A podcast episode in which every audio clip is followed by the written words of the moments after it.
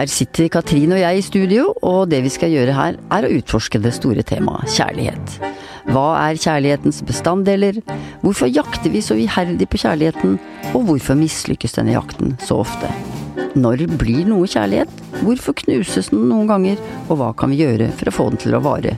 Og en rekke andre spørsmål. Vi skal egentlig by på alt det du trenger å vite om kjærlighet. Og vi har jo snakket mye om begjær i det siste. Eh, ikke minst om begjær på ville veier. Eh, det at eh, der det burde være begjær, der er det ikke begjær. Og der det ikke burde være begjær, ja, men der er det. Så altså, vi, det at vi retter lidenskapen vår mot en annen partneren. Vi flytter både nærhet, fortrolighet og begjær ut av forholdet vårt og gir det til en annen. Eller Alt slukner bare. Vi slutter å elske den vi har elsket, og vil bare ut. Vil ha et nytt liv. Enten alene eller med en annen. Mm. Mm. Så vi snakker rett og slett om skilsmisse og samlivsbrudd, Katrin. Ja. Og det er dagens tema, og vi skal jobbe litt med det framover. Mm. Mange går jo fra hverandre, og i dag er det nærmere 11 000 ektepar, altså folk som er registrert gift, da, som skiller seg hvert år. Og i tillegg så går en stor gruppe samboere fra hverandre, ikke sant. Mm. Er, har noen tall her fra Statistisk sentralbyrå Mm. og Barne-, og, Barne-, ungdoms- og familiedirektoratet. Ja, eh, og, og her sier tallene at årlig går nesten 50 000 voksne med ett eller felles, eh, flere felles barn gjennom en skilsmisse eller samlivsbrudd. Mm. Og snaut en million nordmenn har skilt seg siden 1967. Store tall, sant. Så det er både både er ikke bare gifte dette, da, det er samboere også, sant. Mm. Eh, men eh, ja, skilsmisse det er en enorm belastning for de som er involvert. Eh, 25-30% blir sykemeldt, en tredjedel av de sover lang tid. Og jeg tror kanskje at tallet ofte er høyere òg, for det er nok Mm. mørketall her. Mm. Sier ikke årsaken, men det blir mer Mm. noe annet. Vondt i rygg eller mm, hodepine eller Langvarig tristhet. Rett og slett, Mm. Følelse av å Som ikke meldes inn i Mm. journalen som det det Mm. egentlig er, men ja. Så det gir store konsekvenser for voksne, og ikke minst for barna òg. Og i tillegg til de eh, personlige konsekvensene, så koster det også samfunnet rundt fem milliarder kroner årlig. Mm. Mm. Ja. Det er uh, alvorlige ting vi skal snakke om. Ja. Ja. Uh, for selv om samlivsbrudd er vanlig, ikke sant, for det, statistikken forteller jo at det er vanlig, Mm. så, så er det jo ingen vanlig livshendelse på linje med ja, dåp og konfirmasjon og ekteskap og pensjonsalder eller barnas flytting fra hjemmet. Altså en skilsmisse er ofte traumatisk altså for de Mm. involverte, og, og mange bruker veldig lang tid på å stable seg på beina igjen. Mm. Allikevel så har vi jo da ønsket retten til skilsmisse velkommen, siden alternativet, eller et forhold basert på tvang, er jo uaktuelt i et moderne samfunn. Men det er et stort paradoks her som vi må se på. Ekteskap og samboerskap. Det er jo basert på total frivillighet, sant. Det er lenge Mm. siden vi måtte ha foreldres tillatelse til partnervalg. Så vi velger hverandre fordi vi vil det, ikke fordi vi må. Likevel så vil mer enn 40 ut av, kjær av kjærlighetsforhold som de altså selv har gått inn i med vidt åpne øyne. Hvorfor? Mm, svaret er enkelt, da. Vi går fordi vi kan. Mm. Siden det frie valget er veien inn i parforholdet, så er det også veien. For det er jo sånn for oss moderne mennesker da, at når forholdets hensikt oppleves å forsvinne, da, så tar forholdet ofte slutt. Sånn er det blitt. Men en løsrivelsesprosess, det vet vi jo, det kan ta veldig lang tid. Um, Men å holde ut i kjærlighetsløse forhold, det er ikke noe ideal i vår kultur i det hele tatt. Det er heller ingen dyd av nødvendighet, siden de fleste voksne, da, de er økonomisk selvforsørgende og Samfunnet blander seg ikke lenger inn i avgjørelsen om å oppløse et ekteskap eller et samboerforhold. Så denne første episoden vår om skilsmissen skal rett og slett handle om historikken. Mm. Om kampen for å få lov til å skille seg. For mye av kildematerialet det har vi hentet fra Hanne Marie Johansens veldig interessante og fyldige familie- og rettshistoriske studie over separasjon og skilsmisse i Norge i perioden, hold deg fast, 1536 til 1909. en lang periode. Mm. For oss i dag så er det jo en selvfølge at vi har en ekteskapslovgivning som er fundert på partenes selvstendige valg av hverandre, og inkludert retten til å gå fra hverandre uten å eh, måtte bevise den andres skyld eller egen uskyld. Men sånn har det jo da altså ikke alltid vært. Og veien til skilsmisse har vært kronglete og lang, ikke sant? Ja, virkelig, altså. Hvis vi går langt tilbake, um, så vet vi litt om altså hvordan det var i det norrøne samfunnet, altså i vikingtid, da, rett og slett. At det var lov å skille seg. Mm. Uh, en gift kvinne, for eksempel, hun tilhørte sin oppvekstfamilie der hun kom fra, ikke mannens. Og hvis mannen behandlet uh, henne eller barna dårlig, eller forsømte forsørgerplikten sin, eller forulempet hennes familie, så kunne hun skille seg fra han. Uh, Vikingkvinner hadde faktisk altså mer rettigheter enn en andre kvinner i, i Europa. Så de hadde rett til både eiendom, arv og skilsmisse, og var, var bedre stilt altså enn andre kvinner i øvrige Europa på den tiden. Eh, Og bedre stilt enn mange kvinner i Midtøsten i dag, tenk på det. Mm, For så lenge siden, altså. Og når vi snakker om tidsperioden da, så snakker vi om 800-tallet fram til 1050, faktisk, Mm. som var vikingtid, da. Litt sånn, så, sånn Mm. sofistikert, eller det er vi liksom Ja. også tenker bare på vikingtid. Det er litt fordomsfullt for meg, men det at det liksom bare er slå i hodet og drikke øl, men det var ikke bare det. Nei, det var nok ikke det i det hele tatt. Men det er klart at den gangen så tenkte så Det har man jo data på, for så vidt. At det var jo ikke en hvilken som helst kvinne som kunne skille seg. Altså, det var jo kvinner av høy byrd. Fordi rang, rang betydde mer enn kjønn. Mm. Ja. Så en slavekvinne hadde jo ingen rettigheter, eksempel, og man opererte jo med slaver den gangen. Men altså, i løpet av middelalderen, da, så, så fikk den katolske kirken stor makt i Vest-Europa. Og så var det sånn at i en periode så levde jo nye og gamle lover side om side. Men kvinners rett til skilsmisse ble sterkt redusert, og også menns eh, rett til skilsmisse ble sterkt redusert. Og fra 1270, sier eh, middelalderhistorikere, eh, at det i praksis ble innført forbud mot skilsmisse i Norge, rett og slett. Men det var ganske vanlig å omgås problemet, vet du, fordi tidlig i middelalderen så var det ikke påkrevd med, med noen formell vigsel da, for at et ekteskap skulle være gyldig. Altså, det holdt at partene selv var enige Mm. om å gifte seg. Og særlig folk fra lavere sosiale lag, de bodde sammen uten å være gift, selv om samboerskap egentlig var forbudt. Men på 1600-tallet, da kom den store forandringen. Det ble mer vanlig, altså at folk kunne bli straffet med gapestokk, altså. Eller fengsel for bigami eller sex utenfor ekteskap. Og enkelte historikere, de mener at um, omslaget i den straffepraksisen delvis kunne tilskrives at hele Europa var rammet av det de kalte for moralsk panikk. Mm. Uh, Og på 1600-tallet så var det en utbredt oppfatning av at dommedag var nær, altså at hvis vi ikke straffet syndere, så ville Gud straffe hele samfunnet. Så I Ja. 1349 så kom jo svartedauden til Norge, sant. Den hadde jo herjet ute i Europa, og plutselig så kom skipene til Bjørgvin, Ja. og så var Norge eh, besøkt av denne da fikk vi besøk, ja. Ja, veldig, og mer enn eh, halvparten av befolkningen ble utradert. Sant? Så før pestutbruddet så var folketallet ca. 450 000. Det er ikke så mye det, da, men Nei. etter pesten så var folketallet redusert til under 200 Under 200 000, ja. 1000, Ja, Mm. jeg bare synes det er, det er helt er- Tenk deg så redde få. de var. Ja, de må jo ha vært livredde, vet du. Sant? Og, og de 300 årene som fulgte etterpå, så ble Norge rammet av flere andre epidemier som bidro til å holde folketallet nede, og med stor sannsynlighet da holde frykten oppe, sant. Mm.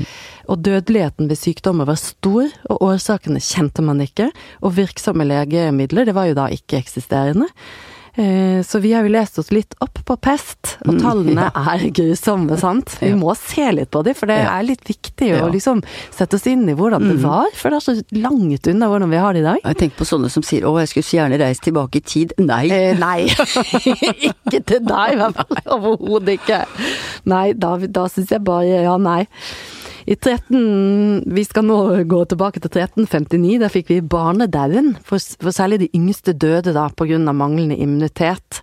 Mm. Som de voksne overlevende hadde fått eh, ti år tidligere. Sant? Svarte under svartedauden. Ja. Mm. Så de var dårlig, dårlig, stilt. Så det gikk nedover generasjonene, på en måte. Mm. Og så krabba vi oss oppover til 1371. Da kom den såkalte drepsotten, etterfulgt av flere epidemier i 1379, 1390, 1392, 1420, 1445, og fra 1447 til 1448.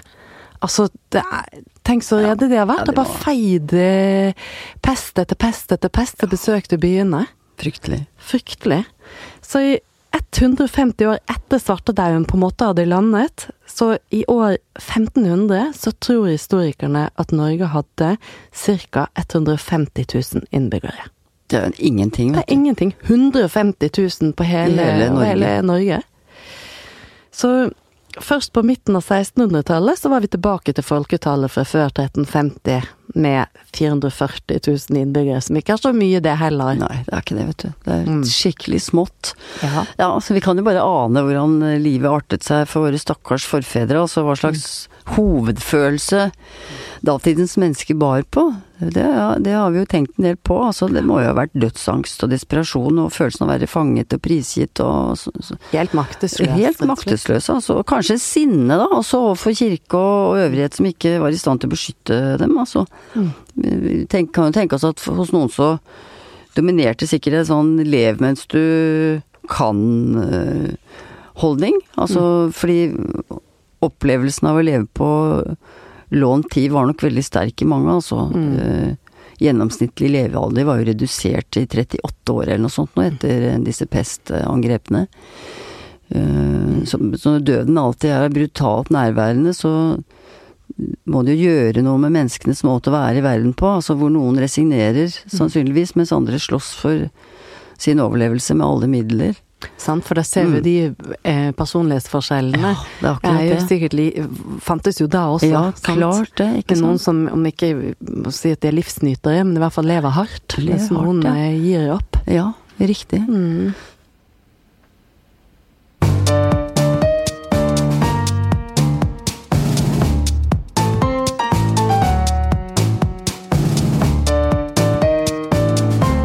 Bokhylla hjemme, skjønner du Katrin, så har jeg en stor eh, bok med tekster og svart-hvitt-illustrasjoner laget av kunstneren Theodor Kittelsen. Ja. Den heter Svartedauden. Mm. Og tekstene, eller versene, da, har titler som Pesta kommer, eller Mor, der kommer en kjerring. Mm. Hun farer landet rundt, soper i hver krok. Altså sånn forferdelig. For pesten var personifisert som en gammel kjerring med rake og sopelime. Kom hun med rake, sa folketroen, så ville noen kunne overleve. Men kom hun med sopelime, altså kosten, så ville alle dø. Hmm, Lar, eh, skremmende. Ja, veldig skremmende. Veldig. Vet ikke hva feministene syns om dette, at det måtte være en kvinne, men det skal vi ikke ta nå. Det var det, da. Altså, det er vel likhet med hekser, kanskje, ja. eller altså Ja, nei, det var en eh, Pesten var en, en, en kjerring, ja. ja. Det var et dammenneske. Skal vi la Ola G. Furuseth lese Pesta kommer? Hvem kommer der nede? I blodrødt skjørt. Fillet og traset, stygg og fæl. Fjeset gustent, gult og rynket, fullt av blålige, svarte flekker. Øynene dypt i dødningsskallen. Ruller, rinner skjeler og stikker, vast som syler, lyser og ser i mørket som katten. Pesta kommer. Over berg og dal, skog og eng, sjø og elv, fjord og fjære. Labber, skvabber, knærne skrangler, raker og river, soper, feier. Riven tar mange, limen alle. Altså, det er så ekkelt at jeg blir redd av å høre på det. Jeg får en angst de må ha kjent, for det er ingen er trygge. Nei, ingen Virkelig er ikke. trygge. Og pesten bare snuser seg frem i hver eneste avkrok i landet. Ah, i, I vår del av verden, i moderne tid, så så har vi det ganske annerledes, vil jeg si. Mm. Vi kjenner ikke dette, vi vet ikke hva dette er, den her type angst. Det kjenner vi rett og slett ikke. Vi har jo et godt utbygget helsevesen, vi har mat nok, vi har antibiotika. Vi vil aldri kunne skjønne hvordan det er å leve i et samfunn der kontrollen har brutt sammen, sant. Vi lever, vi lever jo vårt trygge liv her, langt fra krig og sultenød, død. Langt fra svartedauden, var Mm. veldig langt. Ja. Um, så det å forstå det der som for oss um, fremstår som undertrykkende eller irrasjonelle lover på 1500-tallet, ja, så er det litt nødvendig å tenke litt over hva slags virkelighet som hersket den gangen, for hvis ikke så skjønner vi ikke. Overhodet ikke. For etterdønningen av pesten, den truer jo fortsatt, sant. Folketallet er, som vi var inne på, lavt. Overtroen er eh, satt sterkt til folk. Gud er viktig, og det gjelder å holde samfunnet sammen, sørge for at familier ikke blir sprittet, splittet, skape lovlydighet, tukte avvik, sørge for kvinner og barns overlevelse. Og i en hard verden der mye er uforutsigbart, så tyr man nok til hardere metoder, sant, for å tøyle oppløsningstendensene, rett og Mm. slett. Ja, det, det, dette tror jeg vi må tenke på, og Mm. ikke bare tenke at det var liksom ville Altså at det var veldig undertrykkende måter å forsøke å holde ro og orden på. Mm. Det var det jo selvfølgelig, men det var jo også en, en, en farlig tid. Mm. Og for hele befolkningen. Mm. Men det er fremmed for oss, altså, for vi har jo alt. Men, men altså, i 1542 skriver Hanne Marie Johansen så ble en særdomstol kalt Kapitelretten etablert i Oslo, Bergen, Stavanger, Kristiansand og Trondheim. Det er jo ganske utrolig, da. Og den skulle dømme i ekteskapssaker med biskopen som øverste dommer. Det, så, de setter, så de setter i gang et system fordi man forstår jo at folk lever dårlig sammen. For det er jo mange som gjerne vil ut av ekteskapet, som er dårlig, ikke sant.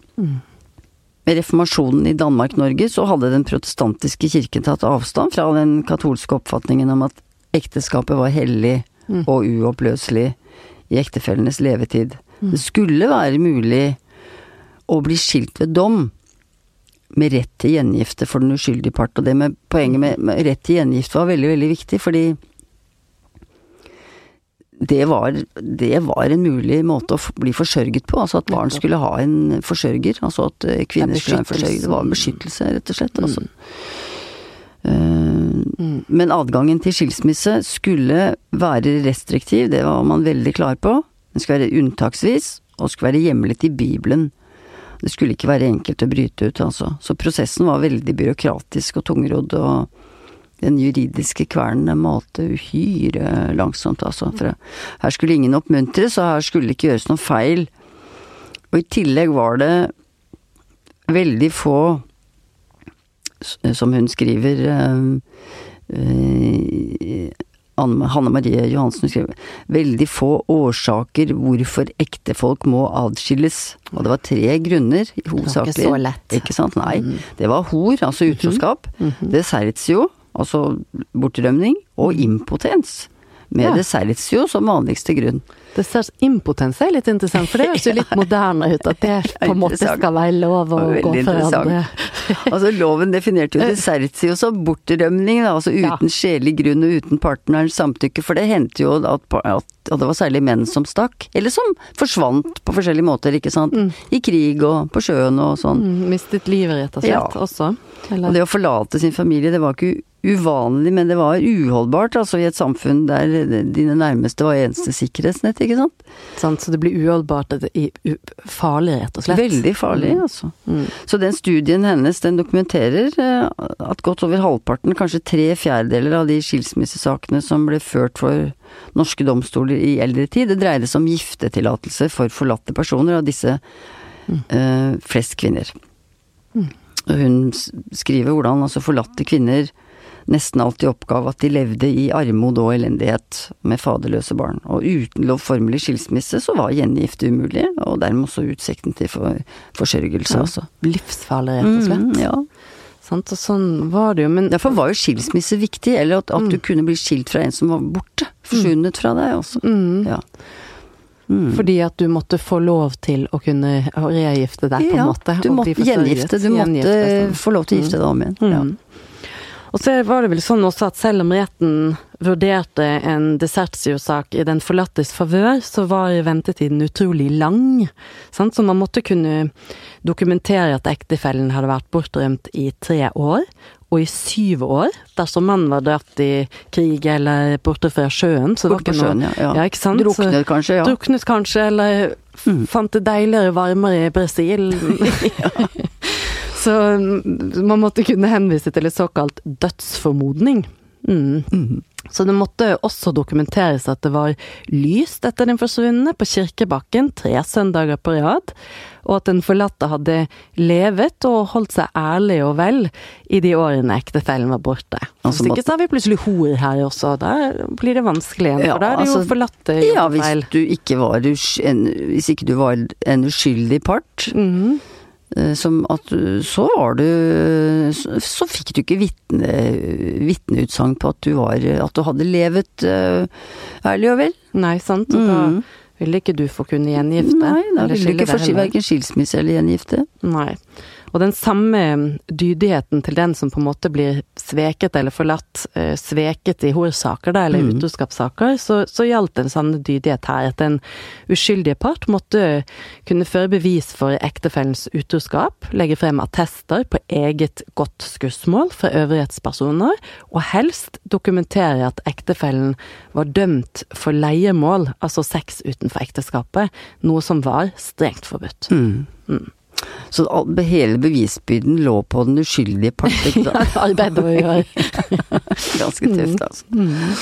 Det er impotens, eh, det er jo sånn at det må være virkelig vanskelig å bevise, altså. Men det ble altså definert som en brøst, eller en brist, da. Altså, som gjorde personen ubekvem. Brøst, brøst, ja. ja. Noe helt annet. Ja, virkelig. Men altså en brist, da, som gjorde personen ubekvem til ekteskap, som det het, da. Ja. Altså den impotente ble pålagt da i tre år å søke råd for å bli kurert okay. for sin brist, Mhm. men om ikke dette hjalp, så kunne skilsmisse innvelges. Men så var det all, veldig komplisert det hele, ikke sant, fordi det måtte være sånn at bristen, altså impotensen, var oppstått før ekteskapets inngåelse. Altså ja, at du, kunne ikke du det som konsekvens av at du ikke likte Nei. den andre. for det altså inntrådte derimot impotens etter bryllupet, altså at det var da du oppdaget det, Mhm. måtte ekteparet bære det som et annet kors, eh, som hun skriver om eh, Hanne Marie Johansen. Altså på lik linje med andre byrder et ekteskap måtte tåle.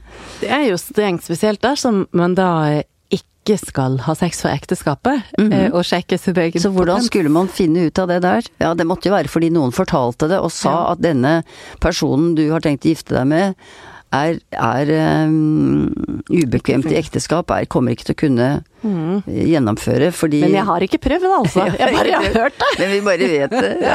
Ja, men Ja, masse. ok. Uff a meg. Så det, mm, så det, men det var vel vitner da også som måtte i, på banen for å mm, For at man skulle få en um, en skilsmisse innvilget på grunnlag av impotens, ja. Og dette gjaldt også for kvinner, altså at kvinner Kunne være impotente ja, eller uegnet. Kvinner kunne være uegnet Mm. til ekteskap, de òg. Ubekvemt til ekteskap. Kan man godt forstå.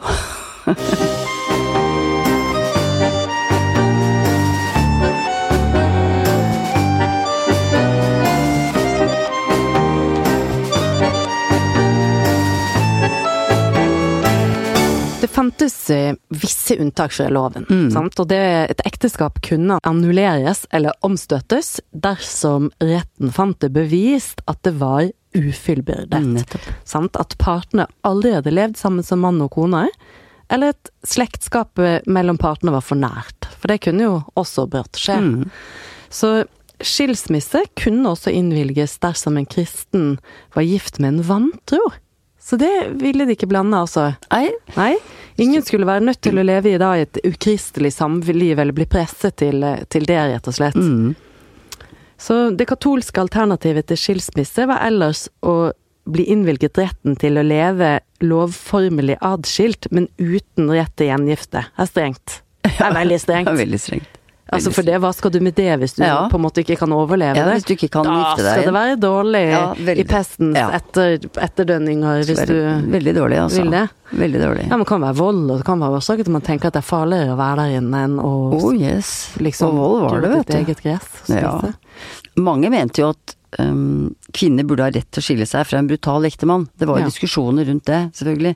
Altså fordi både romerretten og gammelnorsk rett, så, så, så var det Så hadde man eh, hatt adgang til det. Altså Gulatingsretten hadde jo gitt kvinner rett til skilsmisse, og gitt henne rett til å ta med seg verdier ut av ekteskapet. Samtidig som mannen ble pålagt økonomisk straff. Mm. Så dersom han eh, hadde ydmyket og slått konen i andres påsyn minst tre ganger En av er.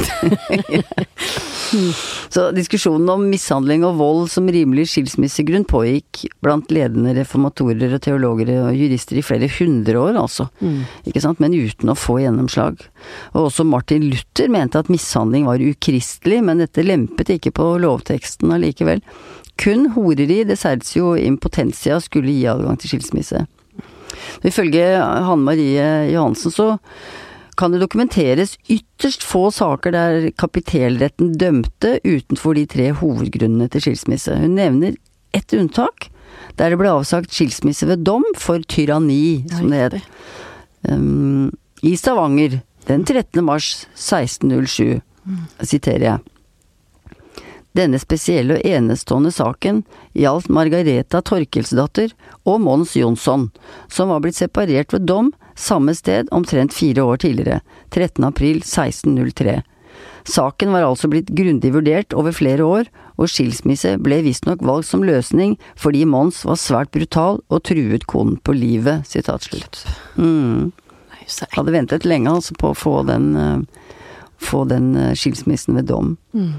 Det finnes en rekke lignende saker fra samme periode, sier, eh, skriver eh, Johansen, men ingen av disse konene oppnådde å bli skilt fra sine voldelige menn, og det er uklart hvorfor nettopp Margareta Torkelsdatter fikk medhold, da. Men noe som var klart, det var at kapitelretten ikke tillot skilsmisse på ulovfestet grunnlag, som det het.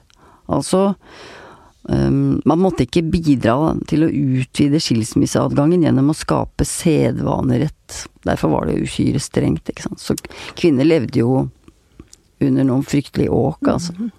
Som kvinner gjør i store deler av verden Ja, i dag. Mm. Det er jo helt sinnssykt at både altså verken alkoholmisbruk, brudd på forsørgerplikt, mishandling, kriminalitet eller gjensidig hat mellom ektefolk har rett til skilsmisse.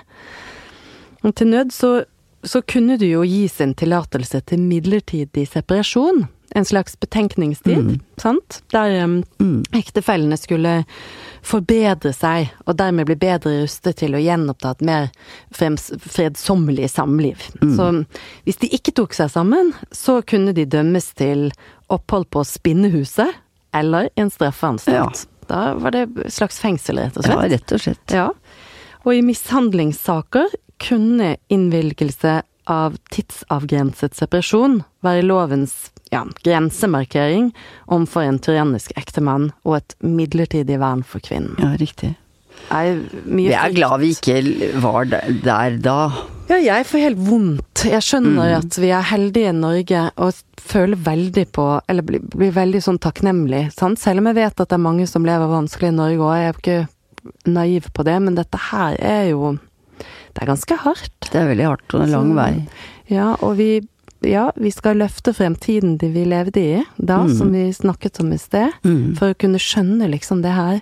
For det er litt vanskelig å skjønne, syns jeg. Jeg syns det er Ja. hardt. Det er det, altså. altså Mm. Men husk på at veien til Ja, altså det, det skjedde noen endringer som var interessante òg, vet du. Fordi veien til separasjon og skilsmisse gikk ikke utelukkende gjennom domstolene. Altså det ble gradvis mulig, faktisk, å søke kongen, da. Ja. eh, Ved sentraladministrasjonen i København om å oppløse ekteskapet. Og det ble gjort ved å sende brev som ble kalt en såkalt supplikk, eller et bønneskrift, rett og slett. Å venne seg til kongen for å få hjelp til å løse sivilsaker, det har røtter langt tilbake i tid, altså det vet vi jo. Men det var først på slutten av 1700-tallet at um, skilsmissesaker ble en vanlig del av det som kaltes supplikkinstitusjonen. Ja, riktig. Mm, mm. Så siden kapitellretten dømte strengt etter loven, så kunne altså et bønneskrift til kongen og hans råd være eneste utvei til å komme seg ut av et elendig ekteskap. Mm. Men kongen kunne jo overprøve domstolen, Ja. sant? Johansen beskriver en sak fra Trondheim i 1606, der et ektepar søkte kongen om skilsmisse etter flere, i flere år å ha ført sak for kapitellretten uten å få medhold. Og ifølge kapitellretten fantes det ikke lovlig grunn til å oppløse ekteskapet, selv om ekteparet, jeg siterer, Mm. når de komme til sammen, omgås de hverandre med skjenden og banden, hug og slag og andre uhørlige måter, som det seg ektefolk ikke sømmer og vel anstår. Mm. Så dette er jo Her er det, her er det hugg og slag. hugg og slag. eh, Skjenden og banden. Så det vi kanskje kan si et gjensidig hat og forakt, eh, som da ikke er god nok grunn etter lovens bokstav, men kongen da innvilget søknaden 17. november 1606 fordi ekteskapet, sitat, mere synes at være Gud til fortørnelse, alle godt folk ute i den stad Trøndheim til forargelse, og et ondt eksempel, og endelig kanskje årsak til en inngang til en evige fordømmelse. Åh, ja. Det var en direkte kongen, syns jeg. Ja, ja. Så siden et ekteskap preget av Hugos slag, skjenden og banden måtte bety en krenkelse av Gud, ville en oppløsning av ekteskapet være en bekjempelse av djevelen, sant, og det onde, og kunne dermed forsvares. Så denne ene bevilgningen førte imidlertid ikke til noe skilsmisseskred, kan vi si, men må ses som et isolert tilfelle, tilfelle ifølge Johansen. Så det var Det sto for seg, men det er jo noe, Mm. syns jo det. Man finner ikke um, en eneste registrert skilsmissebevilgning mellom 1606 og 1682, deretter kun noen få med års mellomrom. Ja, tenk på det, det er lang tid, vet du. det? 1606 til 1682 så finner man altså ikke en eneste registrert skilsmissebevilgning. Nei. Men bare da skilsmisse ved dom eller, ja. eller ved- bønneskrift til kongen. Ganske Sant, hardt. Det, ja, så er det sikkert ikke mange som kanskje var så eh, På en måte hadde så mye pågangsmot som dette ekteskapet her, som, som eh, Eller det ekteparet, mener jeg, som, Mm. som ikke ga seg, rett og slett. Mm. Som etter runde etter runde med avslag fra, fra lovens side gikk til kongen. Det er ikke sikkert at alle hadde ressurser, Nei eller da, klart ikke. slo hverandre hjel istedenfor. Ja, jeg de gjorde. levde på de hvite knokers prinsipp, vet du. Beit tenna sammen. Det var det de gjorde. Ja. Hm. Så skjer det en endring igjen, altså for i perioden mellom 1536 og 1660, da, så økte antallet lover og forordninger som skulle regulere folks atferd, altså både i familien og samfunnet, på alle måter, altså. Mm. Om to parter var gift på hver sin kant, om de ble grepet i hor, da, i utroskap, og ha sex med andre, altså, så kunne tre ganger, altså Det er, det tre er ganger, litt magisk. Det er det, tre ganger, liksom. Tre ganger. så kunne han, mannen altså, dømmes til halshugging, og kvinnen kunne dømmes til drukning. Hun skal lide litt mer. Hun skal kjenne Ja, at hun dør litt, litt lenger langsommere, ja. Mm han. Mhm. Og dødsstraff kunne også idømmes for bigami, altså.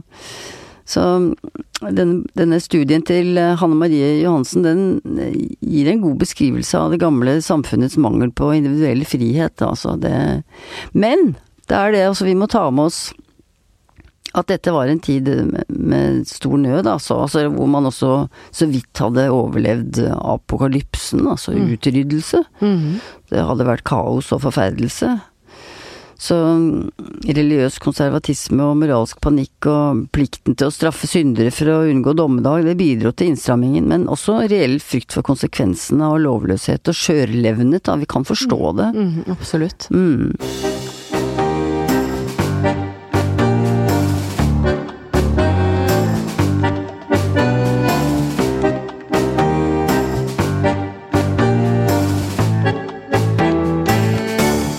Parallelt med denne strengheten, så løper jo imidlertid diskusjonen om ekteskapets hensikt utover det å tjene som forsørgelsesavls- eller arbeidsfellesskap. Sant? Så vi, vi kan jo eh, absolutt uten videre regne med at datidens mennesker også lengtet etter kjærlighet og Mm. omsorg, sånn som vi gjør i dag. For selv om verden var annerledes enn vår, og terminologien likeså, så var jo ikke nødvendigvis hjertene det. Sant. Nei, For de kan ha vært nokså, ja, Mm. lik oss. Ganske lik Ja. som nå. Mm. Og Ifølge Hanne Marie Johansen så brukes f.eks. begrepet stallbroderskap flere steder i rettsreferater, i brev eller andre kilder fra 1500- og 1600-tallet.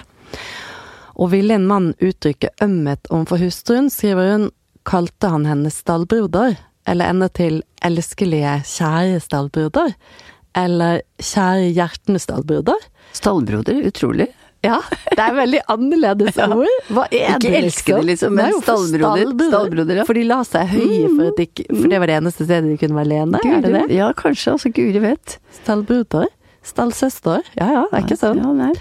Ja ja. Begrepet Det henviste jo egentlig til en som bor på samme sted. Mhm. Det er det det liksom er. Mm. En man deler værelse med, men ble også brukt i betydningen god og kjærlig ektefelle. God og kjærlig ektefelle, Ja. ja. ja. Selv om det var liksom litt Kjære, altså elskelig kjære stallbroder betydde Ja. egentlig altså min kjære, gode hustru. Kjære, Mm. ja. Mm. Elsklingen min. Ja, kjæresten min. Ja, men det sa man, man brukte stallbroder da. Mm. Iallfall skriftlig, altså i Ja. skriftlige notater. Ja. Ja. Det kan jo hende at de sa noe annet på, på kammerset. Mm. Nå blåser vinden da i følelsenes og rasjonalitetens retning. Um, For i juridiske kretser så hadde man jo begynt å stille spørsmålstegn ved det bibelske synet på skilsmisser. Og, og det ble argumentert hardt for at ekteskapet var et verdslig, altså ikke et gudgitt kontraktsforhold, en pakt mellom to parter, faktisk, ja. Og flere liberale og samfunnskritiske stemmer mente at ekteskapet burde kunne oppløses dersom en av partene brøt kontrakten, og vold og tyranni ble ansett for å være et eksempel på dette. ja, så nå begynner det å ligne litt på noen å ligne litt. Mhm. Så teologenes innflytelse i skilsmissespørsmål var gradvis blitt svekket fra 1750, får vi vite, og juristene overtok som rådgivere. Kongen begynte å tillate skilsmisse ved bevilling uten at partene behøvde vise til skyld eller gode grunner for sitt ønske om å oppløse ekteskapet. Nettopp. Så nå har jeg begynt å få litt mer henvendelser, så orker jeg ikke å gå så dypt i det. Riktig, det var noe sånt. Ja. Det var tilstrekkelig å dokumentere at de hadde vært gjennom mekling, altså Ja.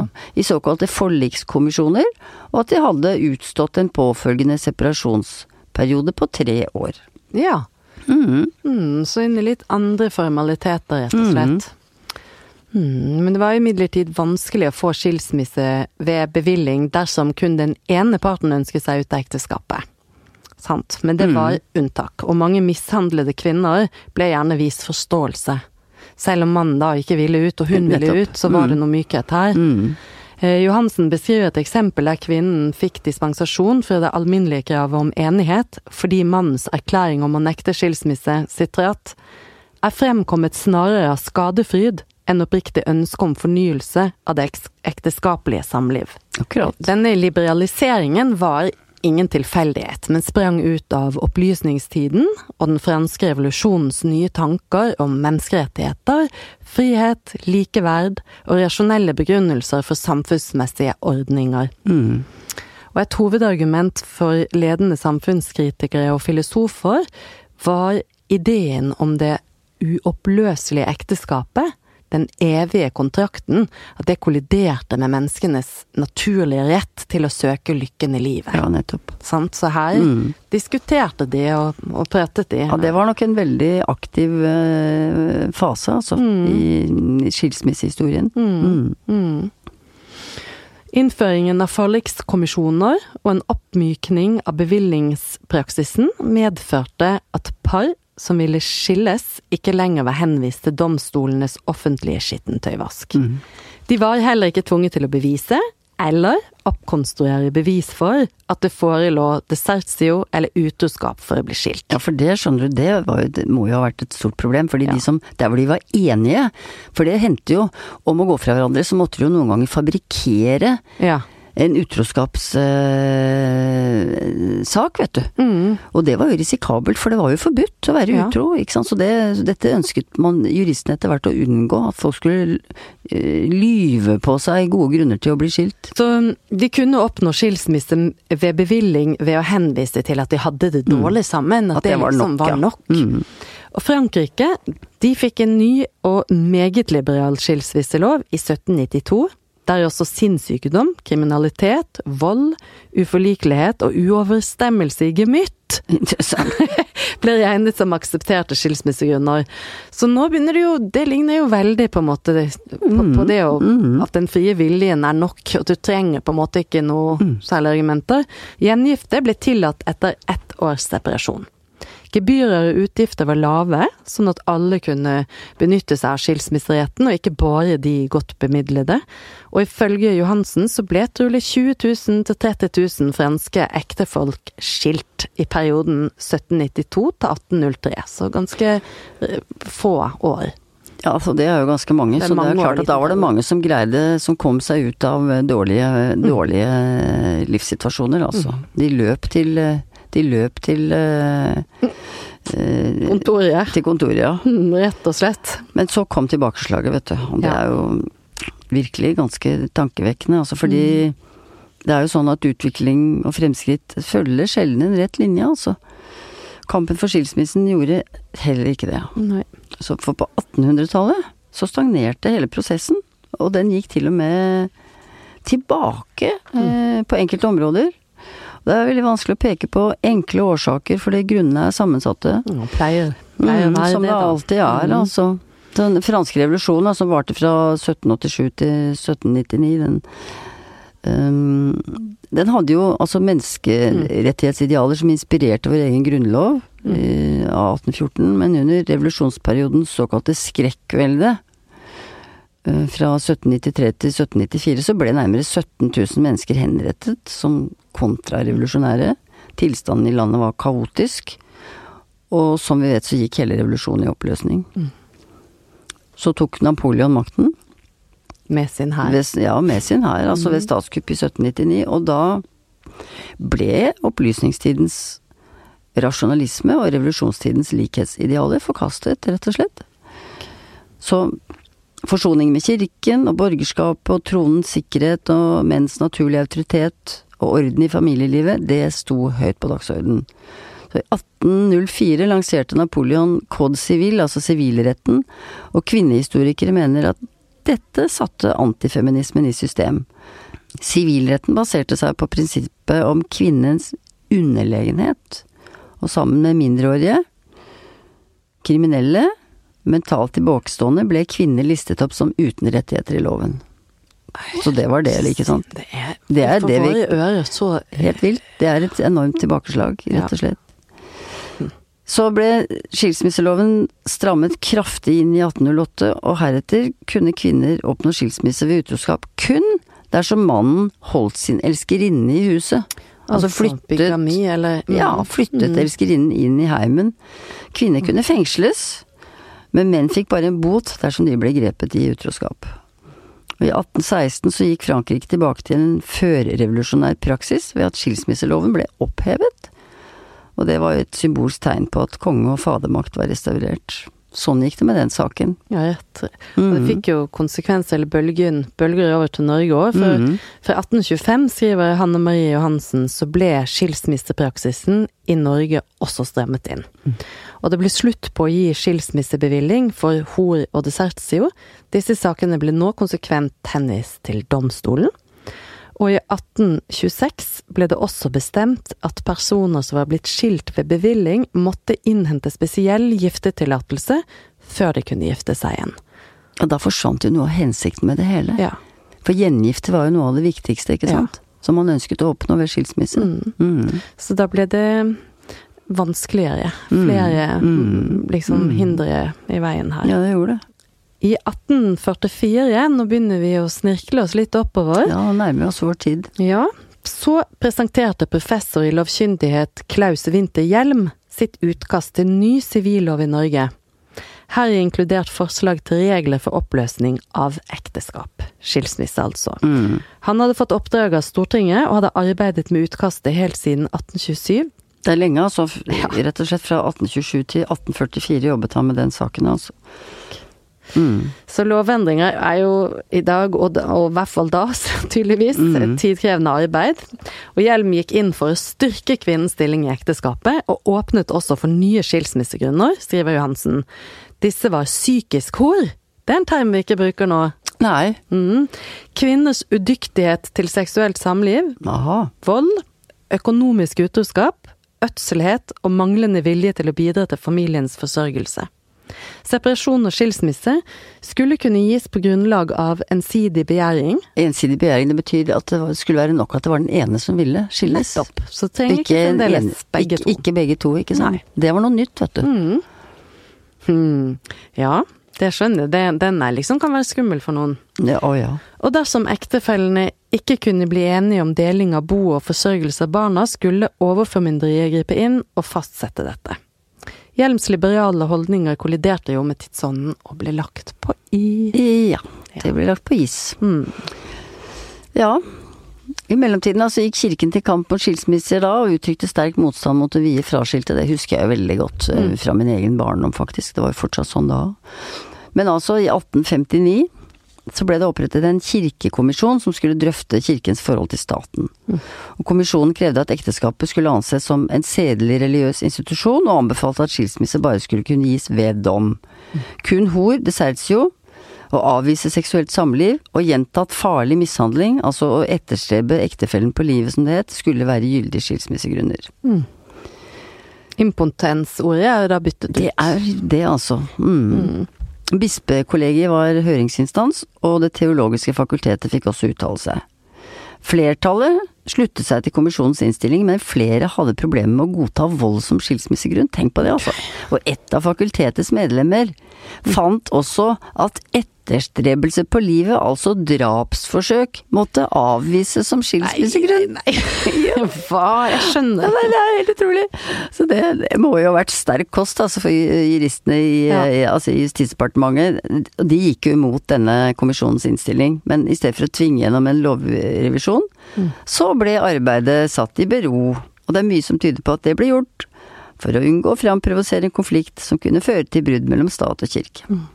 Kan jo skjønne det, men det er jo liksom veldig voldsomt. Det er jo nesten ikke til å tro. Det er som at det blir liksom sitte og flikke på ord uten å legge mennesket inn i ordene. eller Tiden liksom, går, ikke sant, og kvinner blir slått i hjel og må fortsette å leve sammen med voldsmenn. Ganske interessant, altså. Hvor lang tid dette tok, altså hvor hellig ekteskapet ble oppfattet.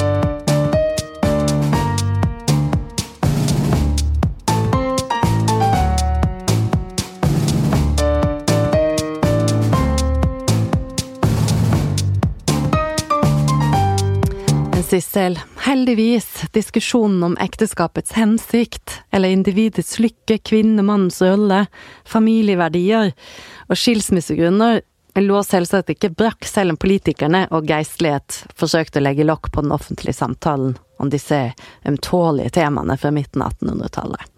En viktig kvinnestemme i Norge var forfatterinnen og kvinnesakspioneren Camilla Collett, som levde fra 1813 til 1895. Og i teksten 'Nogle strikketøysbetraktninger' Jeg synes det er koselig tittel. Ja, det veldig koselig interessant. Fra 1842 debuterte Camilla Collett anonymt som skribent og debattant. Dette var en skjellsettende tekst, og den første offentlige kritikken av samfunnets nedvurderende holdning til kvinner. Kanskje den første teksten i norsk feministisk historie.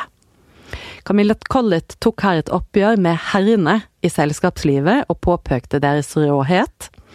Hvordan de hindret kvinner i å komme til orde, og hadde et ubehøvlet og nedlatende syn på kvinnene. Og i 1854-55 ga hun ut tobindsverket Amtmannsdøtre. Og herfra stammer det kjente sitatet 'Vår bestemmelse er at giftes'. Det er romanens heltinne Sofie som konstaterer dette ulykkelige faktum at kvinners lodd i livet er å leve i kjærlighetsløse ekteskap og ikke ha innflytelse over sitt valg av livsledsager. Camilla Collett slåss med pennen for likeverd mellom kjønn og kvinners rett til å ytre seg offentlig, og til å forlate de stummes leir, som hun kalte det. Ja. ja så kampen ble jo ført på flere fronter. Altså Mm. De intellektuelle og, og forfattere og andre, de satt jo ikke stille mens øhm, liksom, diskusjonen rundt øhm, retten til å å komme seg ut av et dårlig ekteskap, mens den debatten på, lå stille, eller lå stille i i storting og regjering. Så hun inspirerte jo Camilla Collett inspirerte jo samtidens forfattere og dramatikere. Henrik Ibsen kalte henne for Nordens fremste stilist. Og så det utviklet seg et sterkt vennskap mellom de to, faktisk. Altså, mange mener at Ibsens karakter Nora Helmer i Et dukkehjem delvis er inspirert av Camilla Collett. Ja, det klinger nå. Er det lett å finne Ja. klang her? Mm. Og andre litterære stemmer, da, som Bjørnstjerne Bjørnson, Amalie Skram og Arne Garborg, de meldte seg på i kampen for et moderne syn på samliv og ekteskap og seksualitet. Og i Fri skilsmisse fra 1888 så skrev Arne Garborg at ekteskapet må være basert på gjensidig frivillighet, og dersom så ikke er tilfellet, skulle ektefellen ha rett til skilsmisse. I 1888 og 89 så ble det nok en gang altså fremmet nye forslag til en lempeligere skilsmisselov, og biskopene protesterte som før, men deres mening samsvarte dårlig med opinionen i befolkningen og tidens politiske ånd, og arbeidet med en mer moderne skilsmisselov fortsatte. I 1902 kom ar Arbeiderdemokratene, Johan Castberg og Tore Myrvang, med et nytt utkast. Men først da Castberg ble justisminister, ble det fortgang i sakene. Castberg leverte et nytt lovutkast i 1909, og denne gangen bar arbeidet frukter. Yeah! Juhu! Skilsmisseloven av 1909 kan betraktes som en av de mange viktige lovene Castberg fikk igjennom i sin tid som justisminister, skriver Hanne Marie Johansen. Castberg la vekt på å få skilsmisseloven vedtatt uten innblanding fra kirkens side. Og taktik taktikken hans var jo å unngå å trekke geistligheten inn som høringsinstans, noe han langt på vei lyktes i. Og sånn var det at Castbergs utkast til skilsmisselov i hovedtrekk ble vedtatt, og Norge fikk en ny skilsmisselov 20. august 1909. Loven av 1909 bestemte annet at 1. Forlikskommisjoner skulle megle før separasjon og skilsmisse. 2. Geistlig megling kunne tjene som alternativ. Altså ved prester, ikke sant? Ved Nettopp, presten. så man kunne, kunne velge seg det. Mm, mm. Mm. Tre, etter ett års separasjon fikk man rett til skilsmisse dersom begge var enige. Fire, etter to års separasjon fikk man rett til skilsmisse også der den ene part satte seg imot. Det er jo noe av det som virkelig er moderne, ikke sant. At du kan få lov til å bli kvitt en som fortsatt klorer seg fast i deg. Altså at du ikke rett og slett får en, en såkalt ensidig eh, rett. Ja, Hurra for det. hurra for det. Mm. Fem, forsømmelse av underholdningsplikt, alkoholmisbruk, forargelig livsførsel, alvorlig kriminalitet, alvorlige overensstemmelser, impotens, smittsom sykdom, besvangrelse Besvangrelse, det er litt at du har gjort en annen gravid, er rett og slett. En annen ektefelle, ja. Mm. Vold mot ektefellen eller mot barna var noen av de andre forholdene som ga rett til skilsmisse etter krav for den ene parten. Mm. Her er det masse nytt inn. Ja, det er det altså. Hæ? Barna har vi ikke hørt noen ting om. Nei, nå kommer de. Rett. Mm. Loven tillot skilsmisse ved dom dersom ektefellen var utsatt for grove handlinger, men tok særlig utgangspunkt i bevilling som veien å gå for å bli separert og skilt. Castberg var ifølge Johansen særlig opptatt av å hindre at private livsforhold uten nødvendighet legges for utenforståendes beskuelse og sensasjonslyst. Enda godt. ja. Loven av 1909 ble revidert på enkelte punkter i 1918, men den var moderne og fleksibel, og ble i hovedsak stående som vår skilsmisselov helt frem til 1991. Mm. Ganske fascinerende. Ja, det er det altså. Ja, da vi Kan feid er det nesten ja. år? Jeg, eller kan ikke jeg regne 1909, 1991? Ja. Det er nesten 100 Ja, år. det er det. Ja. Det Mm. tar tid. Ja. Og da har det vært altså en voldsom basking fra 1600-tallet. Mm. Fra egentlig, eller fra egentlig fra 1250, hvor det ble strammet inn. Så løsnet det jo altså en Ja. periode, ikke sant, og så ble det veldig strammet inn igjen. Så det har bølget fram og tilbake. Mm. Så da har vi feid temmelig raskt gjennom skilsmissens eh, historie, altså fra tidlig norrøn tid, ca. år 800. Og skilsmisselovens viktigste punkter er disse, altså en ektefelle skal etter loven ha et ubetinget krav på separasjon og skilsmisse uten hensyn til den andre ektefellens ønske, og uten noen prøving fra domstol eller fylkesmann av grunnlaget for separasjon. Nettopp. Separasjonstiden skal være et år, uansett om ektefellen er enige om skilsmisse eller ikke. Par med barn under 16 år skal møte til obligatorisk mekling for å bli enige om videre foreldresamarbeid. Så de fleste av de særlige skilsmissegrunnene da, som ga adgang til skilsmisse ved dom, det er opphevet. Altså ved alvorlige overgrep mot ektefelle eller barn skal det likevel være adgang til skilsmisse ved dom uten forutgående separasjon. Mm. Omtrent sånn er det i dag. Helt klart. Eh, En forbedring. En forbedring, Ja. ja. Men er det uproblematisk å bli skilt nå? Praktisk og følelsesmessig, selv om lovverket er endret i en human retning? Selvfølgelig ikke. For hva med sorgen og fortvilelsen til den som forlates? Hva med skyldfølelsen og tapsopplevelsen hos den som går? Hva med tredjepartnerforholdet, paret? Hva med barnas tap? Hva med besteforeldrenes, vennenes? Vi skal bevege oss inn i disse vanskelige spørsmålene nå i noen episoder fremover, Sissel. Det skal vi. For vi har bare begynt på dette temaet her. Ja, så takk for at du har hørt på oss i dag. Følg oss gjerne på Instagram. Den er ikke så aktiv, men den ligger der. Send oss eh, noen ord hvis du vil det, eller hvis du ønsker at vi skal snakke om noe spesielt, eller noe du tenker på, på samliv.vg.no. Eh, så eh. Ha det bra. Ha det bra.